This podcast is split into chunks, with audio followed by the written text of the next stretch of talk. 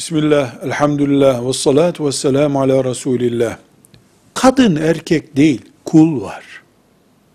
Mümin var, kafir var. Salih insan, fasık insan var.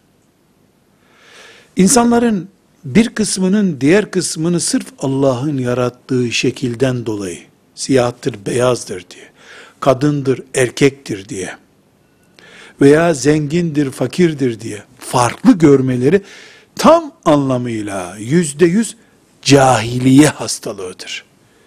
Yani Mekke'de müşriklerin putlara tapındığı dönemlerin hastalığıdır. Veda hutbesiyle beraber Resulullah sallallahu aleyhi ve sellem o günleri tarihe gömdü. Üstünlük takva iledir dedi, buyurdu, bitirdi sallallahu aleyhi ve sellem Efendimiz. Bu bir cahiliye hastalığıdır. Kız çocuğun olduğu deyince suratı kızaran insanlar Ebu Cehil kafalı insanlardılar. Müminler bu konuyu gündem yapamazlar. Velhamdülillahi Rabbil Alemin.